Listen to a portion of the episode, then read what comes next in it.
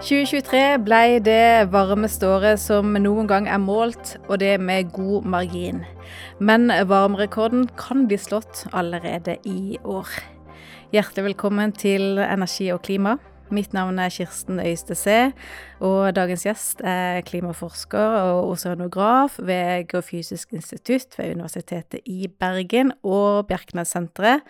Helge Drange, velkommen. Takk, takk.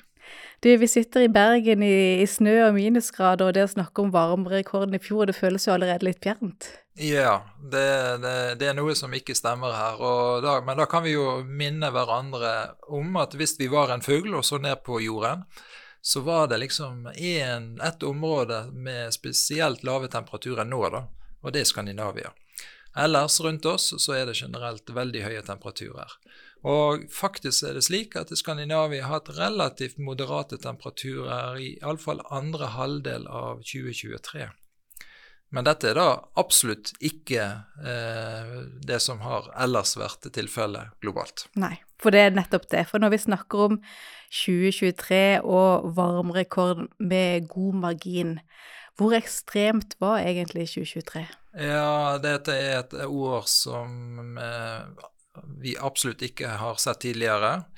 Eh, selv, jeg, begynte med klimastudier i 1990, og jeg må si at uh, dette er det, kanskje det første året jeg virkelig har vært bekymret og egentlig forbauset over hvor raskt temperaturen har steget. Uh, det viser seg at samtlige dager i 2023 var varmere enn varmere enn 1 grad over gjennomsnittet, og nesten halvparten av dagene hadde en temperatur over 1,5 grad over normalen. Så vi nærmer oss rett og slett 1,5-gradersmålet. Alt etter hvilke temperaturanalyser som eh, man legger til grunn, så er vi omtrent der eller litt under. Så ja, så 2023 vil nok gå inn i historiebøkene, vil opplagt gå inn i historiebøkene som et veldig spesielt år, veldig varmt år. Eh, og så blir det jo da interessant å se når vi går fremover, hvor eksepsjonelt varmt var faktisk 2023 om fem år eller ti år? Og det er jo et åpent spørsmål. Mm. Men det er ikke sikkert det var så eksepsjonelt når det kommer litt frem i tid, det er det du prøver å antyde? Ja, jeg tror det om eh, noen år, kanskje fem år, så tenker jeg det at 2023 blir et mer sånn vanlig år. Ja, Da kan nok en, eh, den, den, neste skikkelige nye rekorden komme. Mm. Men du er ikke den eneste klimaforskeren som har sett på utviklingen i 2023 og vært litt overraska. Betyr det at vi ikke helt har skjønt faktorene som ligger bak, eller kan vi forklare hele oppvarmingen med på en måte, si, matematisk metode? Eh, det som er spesielt i 2023, er det at temperaturen har steget så veldig mye i forhold til foregående år. Så det er det som er det dramatiske. Og det er flere faktorer som spiller inn. Det er ingen per i dag som kan gi et fullgodt svar på all, alle faktorene som spiller inn, men det er noen hovedfaktorer. Og Da kan vi jo egentlig liste de opp. Det ene er jo at eh, drivhusgassutslippene øker, og drivhuseffekten den er sterkere enn noen gang. Den, den, men den virker. og Det er, liksom, det er, et, det er et relativt likt bidrag fra år til år. Da. Så den er der. Og så i Stillehavet så har vi nå gått ifra flere år med relativt lav havtemperatur langs ekvator til et, en veldig høy hav, havtemperatur. Det kalles eller kjent som en El Niño-situasjon. Så den har absolutt bidratt. Og det vet vi. Hver gang det blir en slik varm El Niño-situasjon, så stiger den globale temperaturen. Men i år har temperaturen steget mye mer enn vi kan, kunne, kan forvente med en slik El Niño-situasjon. Så det må være noe mer. En, så da har vi økende drivhusgassinnhold i atmosfæren, vi har El Niño, og så er det det at det er faktisk mer blå himmel i dag enn det har vært på lang, lang, lang tid. Eh, partikkelutslippene fra bruk av kull, olje og gass og for industri har gått ned. Som jo egentlig er positivt? Absolutt. Helsemessig kjempepositivt og ellers positivt. Men det betyr at det er en skyggeeffekt har blitt dempet. Og eh, ja, så, så, dette har også bidratt til at temperaturen har økt i 2023. Men rensingen av eh, partikkelutslipp har jo ikke plutselig skjedd nå, men dette er en faktor. Og Bare for å gi et bilde på hvor viktig denne eh, faktoren fra disse aerosolene er, så er det da estimert nå at i løpet av 1980-tallet så maskerte partikkelutslipp rundt 80% av drivhusvirkningen. Fordi sola ikke tenkte igjennom? Ja, når ikke ned til bakken. Mens i dag så er det mer sol som når til bakken og varmer opp bakken. Så dette er en veldig viktig virkning. Nå er det, nå, nå, Partikkelutslippene de går altså ned og vil fortsette å gå ned.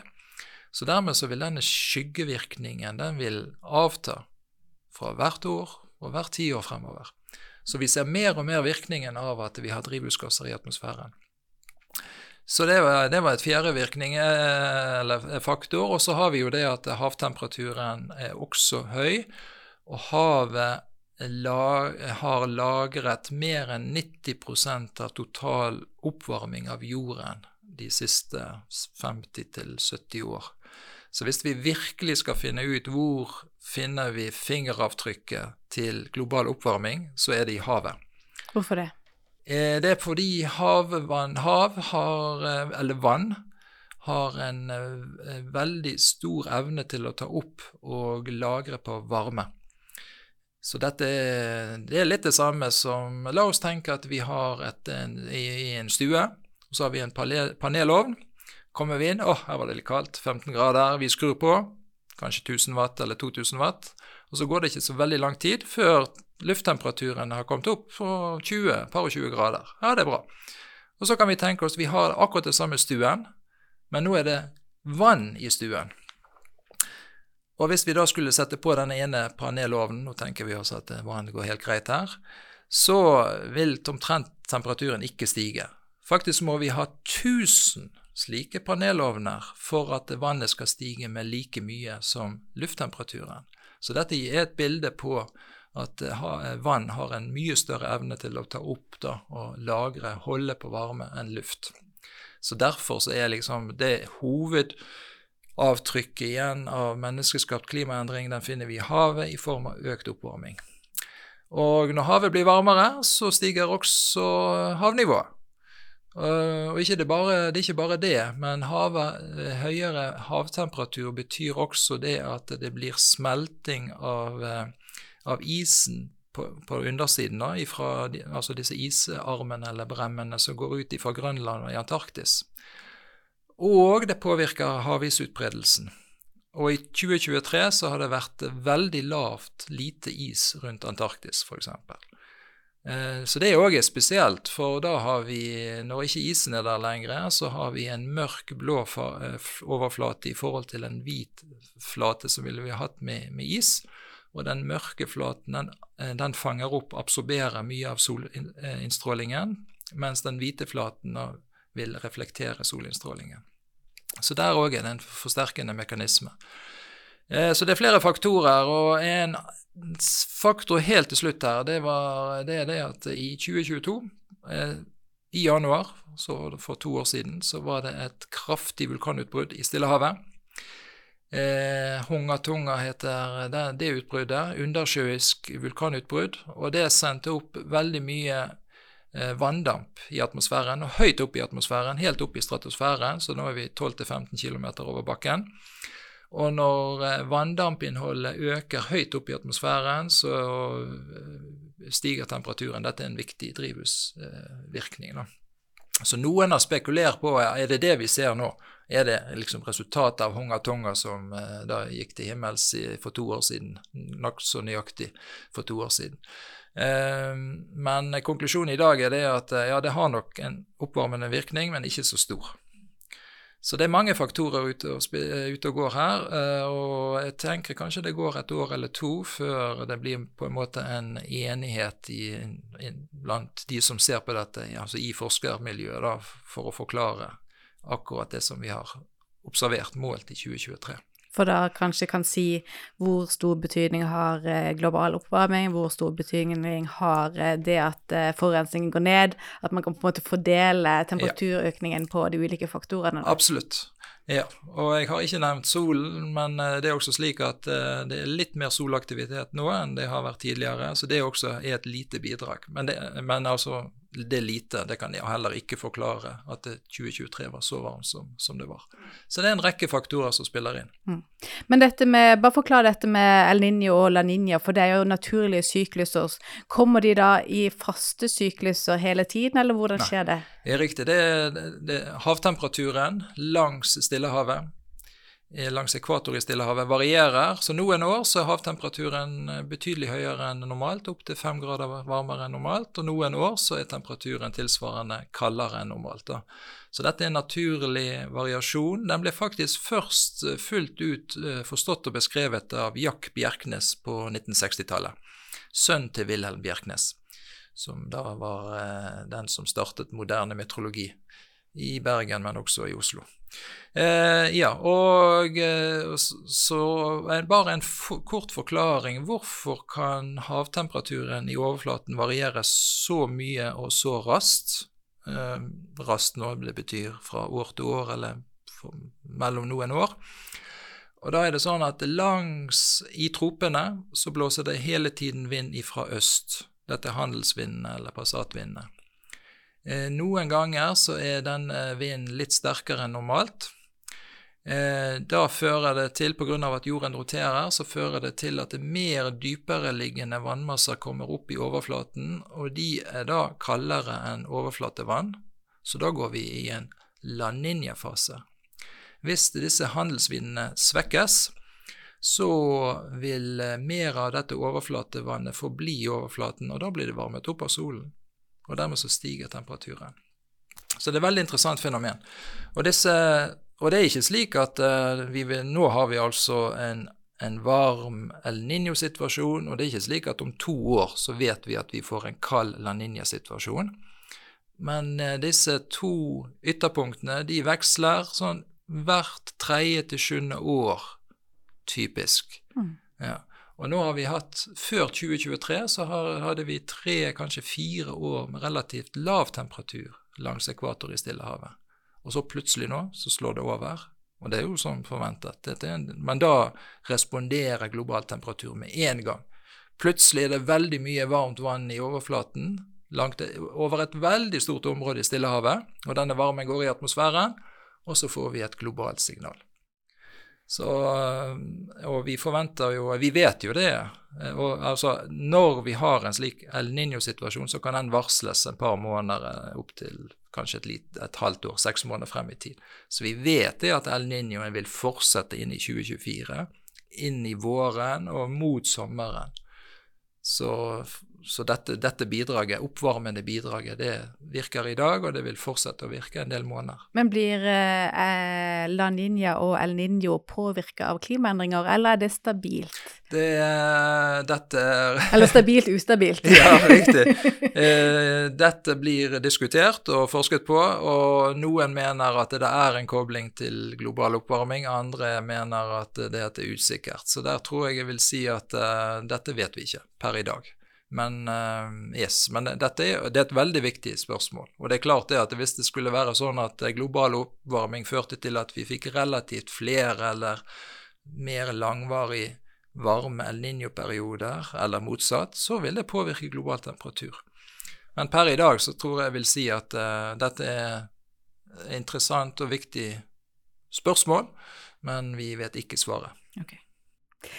Vi har jo sett da i, i fjor, i 2023, så ble det bl.a. målt eh, 38,4 grader i vannet i Florida. Det ble beskrevet som å bade i suppe. Kanskje ikke så deilig avkjølende som vi gjerne skulle hatt. Hvilke deler av verden var det egentlig som ble hardest ramma av ekstremvær i 2023, og der man så de alvorlige konsekvensene? Ja, så da Vi kan jo begynne i Canada. Der var det veldig store skogbranner. Eh, USA hadde derimot litt mindre skogbranner enn eh, det som vi har sett tidligere år. Men Canada har jo hatt eh, veldig, altså veldig store områder som har brent veldig mye. Eh, og så, hvis vi går til, eh, til, Europa, så har det jo vært veldig varmt veldig lenge. Egentlig fra mai og ut til oktober, med varmerekorder i store deler av eh, sørlige og Midt-Europa ja, og sørlige Europa. Det har også vært veldig varmt i Asia. Så det er vel første gang at det har vært eh, observert eh, rekordhøye temperaturer på tre kontinenter samtidig og over tid. Eh, havtemperaturen som du nevnte i Florida har vært veldig høy, men ikke bare der. Også i Stillehavet. Dette er jo en del av El Niño. Men Nord-Atlanteren fra ekvator og egentlig opp til, til, våre områder har også vært veldig høy. Eh, Eksepsjonelt høy. Eh, så, det, så, havtemperaturen har slått alle rekorder. Absolutt alle rekorder. Så det har vært spesielt. Eh, isen i, Antarkt i, Antarktis, Utbredelsen av is i Antarktis har vært veldig lav. Så, det, ja, så, dette er jo noen eksempler. da. Og Temperatur er jo én ting, men uh, det som gjerne gir enda større skade, det er jo store nedbørsmengder på kort tid. For Norges del så kjenner vi jo til Hans, som, eh, som nå ga rekordnedbør over ganske store deler av det indre Østland i løpet av en to til tre dagers periode. Eh, og si at hans, altså hans er nok også påvirket Den type værsituasjon er nok også påvirket av global oppvarming, men, var, men, vi vil jo alltid ha ekstreme situasjoner. da. Men det som vi ser, det er det at store nedbørsmengder de øker. Og dette, er, og dette, er, jo et veldig viktig resultat. Så for første gang når, når siste hovedrapport fra FNs klimapanel kom for noen år siden, 2021, så ble det jo slått fast at uh, store nedbørsmengder på den nordlige halvkule kan knyttes til global oppvarming. Og når det regner mye, så får du altså flomsituasjoner, det kan uh, gå uh, jord- og steinras osv. Og, så, så, dette er jo alvorlige situasjoner. da. Så vi har, vi har sett en rekke eh, hendelser i 2023. Mm. Og dette er jo i en verden som vi da sier er cirka, eller mellom 1,2 og 1,3, kanskje nærmere 1,3 graders oppvarmingen. Du bruker tallet 1,29. Eh, mens hvis vi ser på bare året 2023, så var jo det 1,46 grader varmere, mens eh, året før, 2022, var da bare i hermetegn 1,13 grader varmere enn det som da er før industriell tid. Men så trekker vi da altså et snitt eh, over 30-årsperiode. Kan du bare si litt om hvordan disse beregningene gjøres? Ja, så Det som ligger til grunn for eh, global temperatur, det er jo innsamling av temperaturmålinger. og Da er det jo eh, massevis av målestasjoner rundt omkring. Egentlig alle meteorologiske organisasjoner de har et nettverk, som i Norge. Der blir eh, dataene samlet inn, og de blir samlet da ulike steder globalt. Og dette Temperaturmålingene blir jo, de blir jo gjort mer eller mindre kontinuerlig, men i alle fall eh, hvert, eh, hver sjette time, sånn at vi har også døgnsyklus. da. Så det blir samlet inn, og så gjør man en analyse på disse målingene. Og da er det jo altså Målingene det er jo nålestikk, hvis vi tenker på globusen, ser ned på jorden. Så det er hver målestasjon det er en nål. Så, så ønsker vi jo å vite hva er en global endring av global temperatur, og da må vi midle mellom disse nålestikkene. Og Det er det ulike metoder for å gjøre. Og det er iallfall en fem-seks grupper globalt eller internasjonalt som gjør dette. Og det er det, de, de, analysene som ligger til grunn for global temperatur. De varierer litt, men alle viser jo det samme. Så hvis du hadde plottet alle oppå hverandre, eh, så vil du si at ja, dette er jo egentlig det samme. Men hvis du virkelig regner ut eh, verdier, så vil det være litt forskjell. Så Derfor så sier noen at 2023 var oppimot 1,5 grader varmere enn før industriell tid, andre er kanskje én eller to tidel under. da. Så det er det som ligger til grunn. Eh, og så var Ja, så 1,5 grader, det, det er jo relativt eller et global temperatur må jo være relativt til noe. Det er endring relativt til førindustriell tid. Hva er førindustriell tid? Og det, Man kunne jo tenke seg ja, det må vel være tiden før eh, dampmaskinen kom, eller noe sånt. Da er det jo på slutten av 1700-tallet med Mr. Watson og kompani. Men eh, problemet der er jo det at da var det jo ikke globale temperaturmålinger. Så av praktiske årsaker så, årsaker, så det, bruker de fleste middeltemperatur mellom 1850 og 1900 til å definere førindustriell tid og temperatur. Og så Så da har du liksom Da har du nullverdi, middelverdi fra 1850 til 1900, og så når du da får stadig nye år med temperaturmålinger, så kan du regne ut differansen mellom det siste året eller de siste par årene relativt til denne eh, førindustrielle tidperioden. Og det er det som blir gjort, da. Uh, men uh, også der kan man gjøre visse valg. så det ja, så på tross av at eh, endring av global temperatur er så viktig og er veldig høyt oppe på den politiske agenda, så er det ikke sånn at det er ett tall. Ja, det syns jeg er rart. Ja, det er rart, men slik er det, og slik vil det være. Ja. For du sier at nå er verden 1,29 grader varmere, men så er det ikke alle som sier det. Noen sier 1,1, noen sier kanskje 1,19, noen sier 1,20. Det fremstår så merkelig at man ikke bare sier ok, nå er vi enige om at uh, sånn måler vi global gjennomsnittstemperatur. Ja, det er altså det er, det er ingen enighet om hvordan man skal gjøre det, og man må gjøre valg. Og valgene kan være mer eller mindre fornuftige ja, altså Jeg vil jo si at valgene generelt er fornuftige, men det er forskjell. Så ja, så dette er litt spesielt. Men eh, kanskje vi kan si det sånn, hvis vi tenker på vår eh, celsius-skala, så er det noe spesielt som skjer ved null grader. Det er det at det vann fryser. Det er noe spesielt som skjer ved 100 grader. Det er det at det vann begynner å koke. Så da er det lett å definere. Det kan vi bli enige om.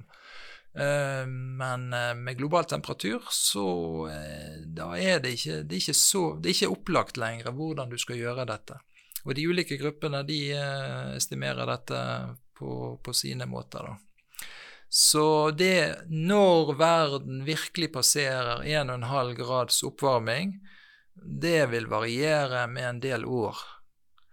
Så jeg kan godt tenke meg at de som eh, på en måte ligger i den øvre skalaen på global oppvarming, de er nå i ferd med å passere 1,5 grad, kanskje til neste år eller et par år frem i tid, mens de som ligger litt er mer forsiktige, de vil passere 1,5 grad kanskje om ti år. Da. Så det er pluss-minus noen år som vil være forskjellen. Og det tror jeg vi må bare leve med. Okay. Og det er forvirrende. det er veldig forvirrende, ja. og litt irriterende. Ja. Og eh, det er det. Og det er, blir brukt forskjellige referanseperioder, om det er 1850 eller 1900 eller hva det er. Og så er det sånn at i, i år, 2023, så har temperaturen vært veldig høy. Vil du da bruke 2023-verdi, eller vil du bruke middelverdi av de siste årene, fordi vi vet at temperaturen hopper opp og ned? Så det her er det valg som man gjør, da. Mm. Så selv så trekker jeg en, eh, en sånn trendlinje gjennom de siste 30 årene så det er da et rett linjestykke gjennom de siste 30 år, og så sier jeg det at endepunktet på den, det er da mer den gjennomsnittlige temperaturen for nåtid. Mm. Og da kommer du til 1,29 i dag? 1,29 i dag, ja. Er du da i øvre del av de eh, målingene? Tror, kanskje litt Nei, det tror jeg ikke. Det tror jeg ikke. Eh, kanskje litt sånn midt i en uh, sky der. Det er noen forskere fra Met Office i Storbritannia, det er vel det samme som Meteorologisk institutt, er det ikke det? Jo. De har foreslått at man skal bruke beregninger, eh, altså målte temperaturer, siste tiår sammen med estimat for de neste tiårene. Hadde det vært en god metode? Ja, altså iallfall de siste ti årene. det kjenner vi jo til. Dette med de neste ti årene, det er jo, da må man jo inn og gjøre ganske avanserte modellberegninger, og der er det jo mange faktorer som kommer inn. Så det siste ti år, den tror jeg er grei. De neste ti år, der uh, tror jeg det vil sprike ganske mye. Okay. Ja, og det er jo sånn òg at når vi, hvis vi da skulle bruke modellsystemer for å estimere temperaturen i neste ti år, så kan vi jo ikke bruke én modell for Ingen modell er perfekt. Ingen modell beskriver naturen. Så det vi da ønsker å gjøre, er å bruke ganske mange modeller. Så da må ganske mange modelleringsgrupper rundt omkring gjøre akkurat det samme. Eh, så dette, det kan man nok få til, men det er et ganske stort apparat som må til. Men vi har altså en Parisavtale som er veldig tydelig på temperaturmålet. Vi skal begrense temperaturen til godt under to grader, helst ned mot 1,5 og så klarer vi ikke å bli enige om hvordan vi skal beregne det. Nei.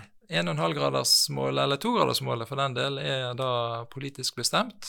Og hvis man går og ser i de eh, altså oppsummeringene, konklusjonene, avtalene som ligger til grunn, så er det ingen definisjon. Det står, her, det står, det står global temperatur, men det står ikke er det bare landtemperatur, er det havtemperatur, er det overflatetemperatur. Og disse tingene er jo ganske viktige, da. Men de fleste tenker nok på at det, det er nok global overflatetemperatur. Så da er det da er middel både av landtemperatur og havtemperatur. Men eh, notatene er ikke på det nivået. Og førindustriell tid er ikke definert. Og hvordan man setter da eh, bestemmer hva som er temperatur i dag, om det er 2023-verdi f.eks., eller middel for de siste par år, eller om det er en trendlinje som stopper der, det sier man ingenting om. Så skal man få dette til, så må det jo kjøres en internasjonal prosess med en enighet. Og så uansett, hvis man blir enig, så vil det uansett være usikkerhet. Så da vil det jo alltid være et intervall rundt den La oss si at 2023 er 1,29 grader varmere, men pluss-minus. Mm. Og det betyr også at uh, vi vil heller aldri kunne vite helt sikkert at vi passerer 1,5 grads oppvarming. Det vil alltid være en usikkerhet. Men når den grensen er passert etter noen år, så kan vi være nokså sikre, jeg vil si helt sikre på, at uh, den grensen er passert. Mm. Er det noen initiativ til å få til en sånn global enighet om beregningene? Nei, det er ikke så jeg kjenner til. Og jeg har sett ganske mye etter det og tenkt en del på det selv, Men nei, det kjenner jeg faktisk ikke til, og det er jeg enig i. Det er litt forbausende. Men det har nok um, en del praktiske forklaringer, tenker jeg. Men med de beregningene du gjør, og trendene du tegner, når ser du at vi sannsynligvis passerer 1,5 grader? Ja, det kommer vi til å gjøre på, i løpet av 2030-tallet. Eh, Så vi er, la oss si, et sted mellom fem til ti år frem i tid. Så da, ja. Så det er rett rundt hjørnet. Og det er også interessant, hvis vi ser på siste hovedrapport fra FNs klimapanel som kom i 2021, så sier de også det at det er nesten uavhengig av hvordan de globale utslipp vil forløpe fremover, så vil global temperatur passere 1,5 graders oppvarming i løpet av 2030-tallet.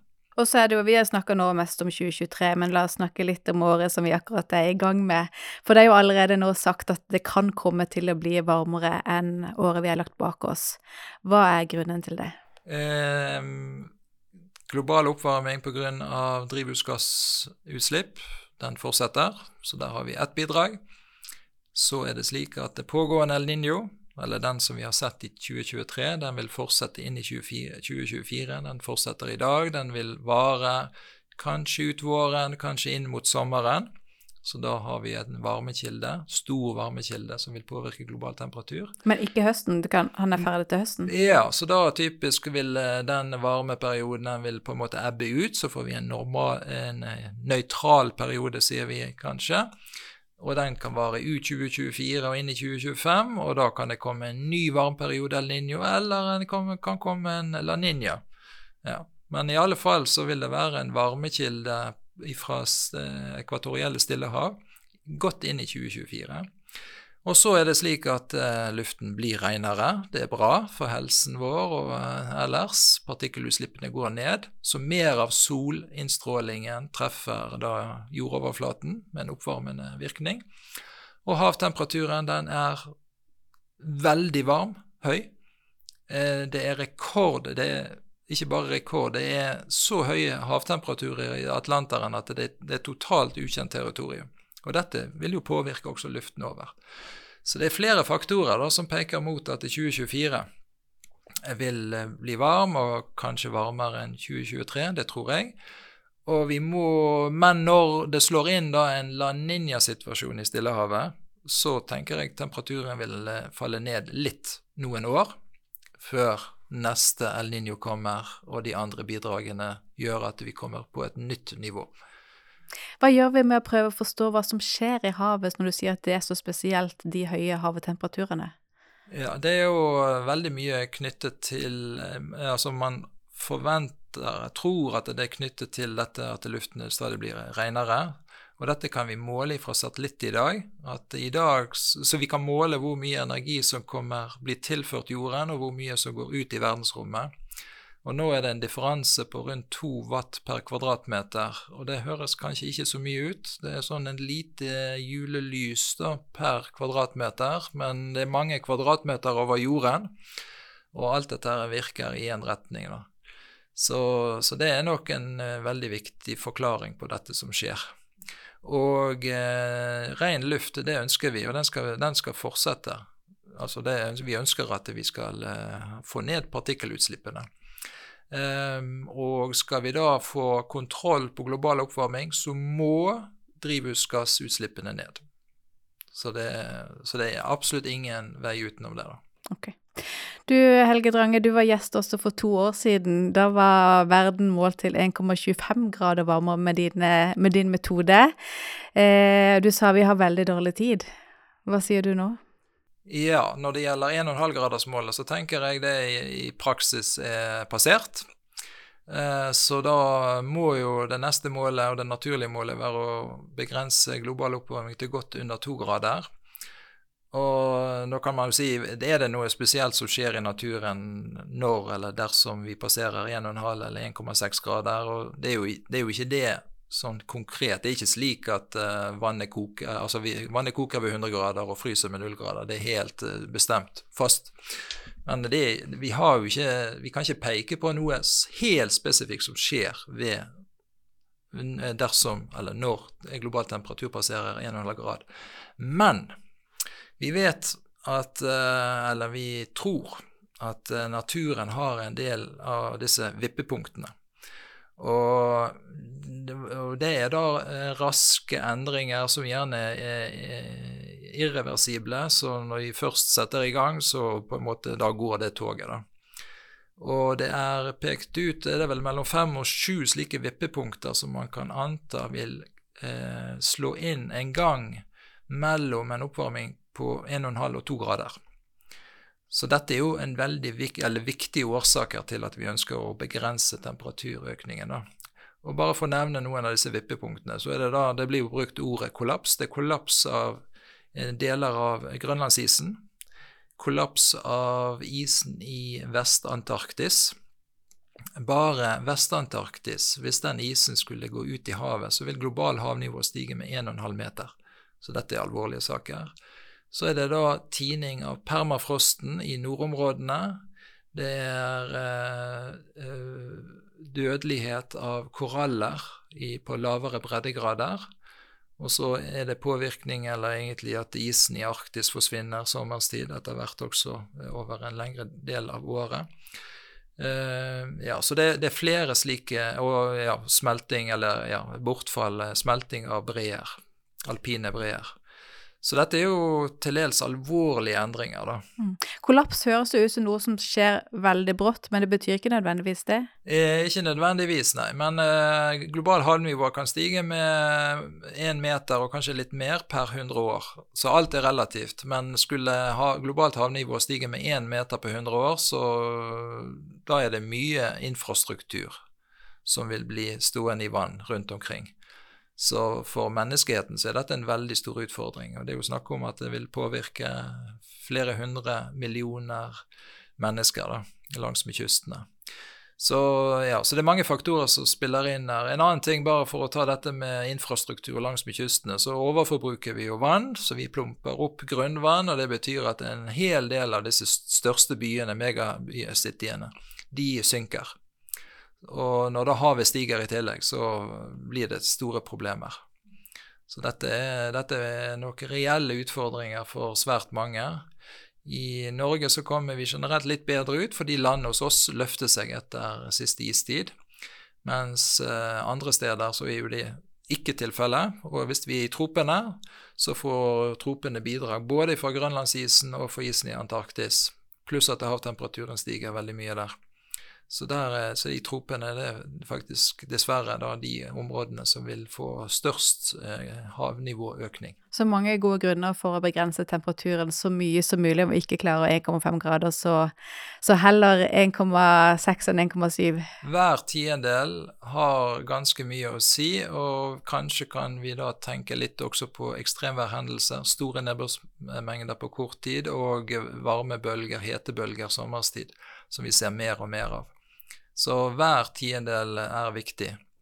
Til slutt, er det noen ting de siste to årene som du er positiv til å se, at det er noe som går i positiv retning? Eh, det er jo, Hvis vi ser f.eks. på, på EU, EU-landene, så har jo de klart å fått eh, ned klimagassutslippene sine. Så det er jo mulig. Eh, og fornybar energi vokser jo. Og jeg vil jo si også at det er en økt bevissthet generelt om klimaproblematikken, men også sett i sammenheng med energi og energibehov. Så det er jo positivt. Utfordringen er jo det at fremdeles så går ting altfor langsomt. Så når vi snakker om at vi ok, La oss si at 1,5 grad er mer eller mindre passert. Det er jo også en treghet i systemet. Selv om ikke vi er helt der i dag, så er vi, har vi egentlig lagt løpebanen for å passere 1,5 grad allerede. Så så det høres jo litt eh, lite ut å snakke om disse tidelsgradene, da. Men eh, det må altså veldig store endringer til for å kunne begrense, virkelig få ned klimagassutslippene. Og det er spesielt nødvendig nå, når partikkelutslippene eh, har gått ned og vil fortsette å gå ned. Okay. Du Helge Drange, tusen takk for praten. Bare hyggelig. Takk også til du som eh, hører på. Energi og klima er tilbake neste uke med en ny podkastepisode. Takk for i dag.